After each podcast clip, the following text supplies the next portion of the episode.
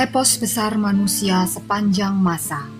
Mahabharata Ramayana. Karya C. Raja Gopalacari Diterbitkan oleh Ircisot Dibacakan oleh Dian Sitoresmi dan Mariana Widya.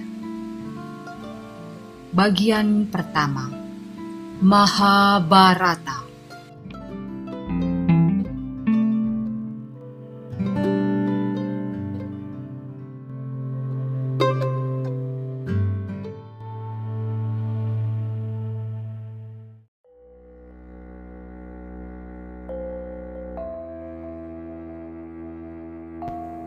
Bab 104 Kematian ketiga sesepuh keluarga Akhirnya, Yudhistira melepaskan kepergian Destarata ke hutan. Kemudian, Destarata dan Gandari kembali ke istana mereka dan menyelesaikan puasa mereka. Kunti duduk bersama Gandari dan mereka makan bersama. Destarata meminta Yudhistira untuk menemaninya makan. Kemudian, ia memberikan berkat terakhirnya. Lalu orang tua itu berdiri dan beranjak pergi. Ia sandarkan tangannya di pundak Gandari.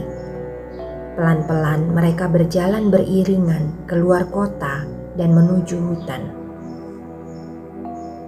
Gandari yang karena tuan dan suaminya buta bersumpah tidak akan lagi melihat dunia, menyandarkan tangannya di pundak Kunti.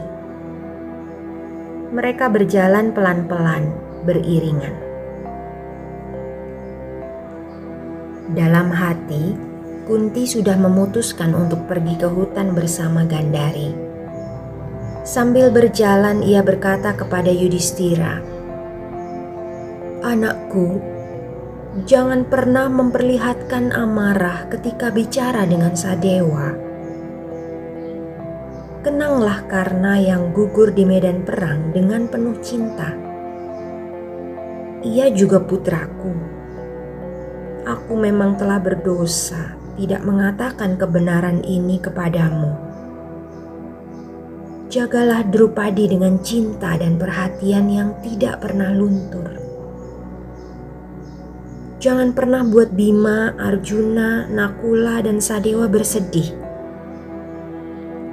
Ingat pesanku ini baik-baik. Sekarang, beban keluarga sepenuhnya ada di pundakmu. Sampai pada waktu itu, Dharma Putra yakin bahwa Dewi Kunti menemani Dewi Gandari hanya untuk mengucapkan selamat jalan. Ketika mendengar ibunya berkata seperti itu, Yudhistira terkejut dan selama beberapa saat ia tidak bisa berkata apa-apa. Setelah pulih dari keterkejutannya, ia berkata, "Ibu, jangan. Engkau memberikan restu sebelum kami berangkat ke medan perang. Sebaiknya ibu tidak meninggalkan kami dan pergi ke hutan." Namun demikian, permohonan Yudhistira tidak ada gunanya. Kunti tetap bersikeras dengan niatnya. Aku harus mengikuti tuanku ke mana pun ia akan pergi. Aku akan bersama Dewi Gandari dan menjalani hidup di hutan.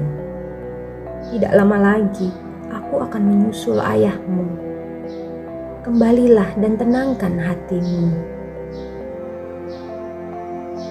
Kembalilah ke kota, semoga engkau tetap berada di jalan Dharma. Demikianlah Kunti memberkati putranya dan pamit. Yudhistira hanya bisa diam, tak bisa berkata apa-apa. Kunti melanjutkan perjalanan. Berulang kali ia menoleh ke belakang untuk melihat putra-putranya.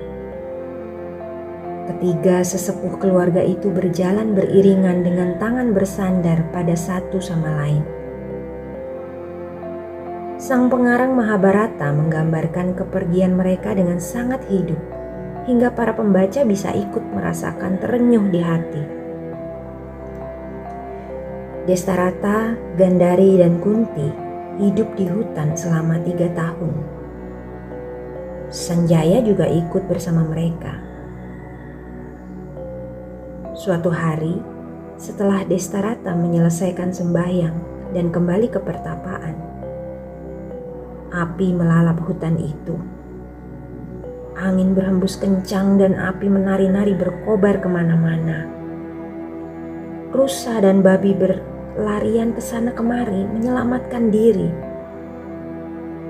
Mereka berlari ke telaga untuk mendinginkan diri.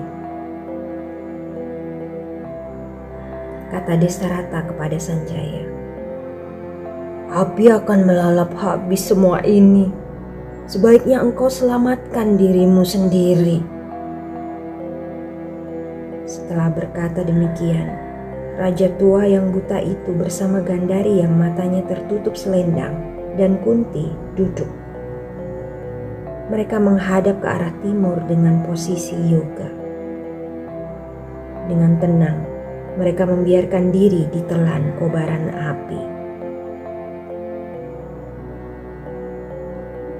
Sanjaya yang selama ini menjadi mata bagi Raja Buta itu dan penasihat kesayangannya, menghabiskan sisa hidupnya di Himalaya sebagai sanyasin.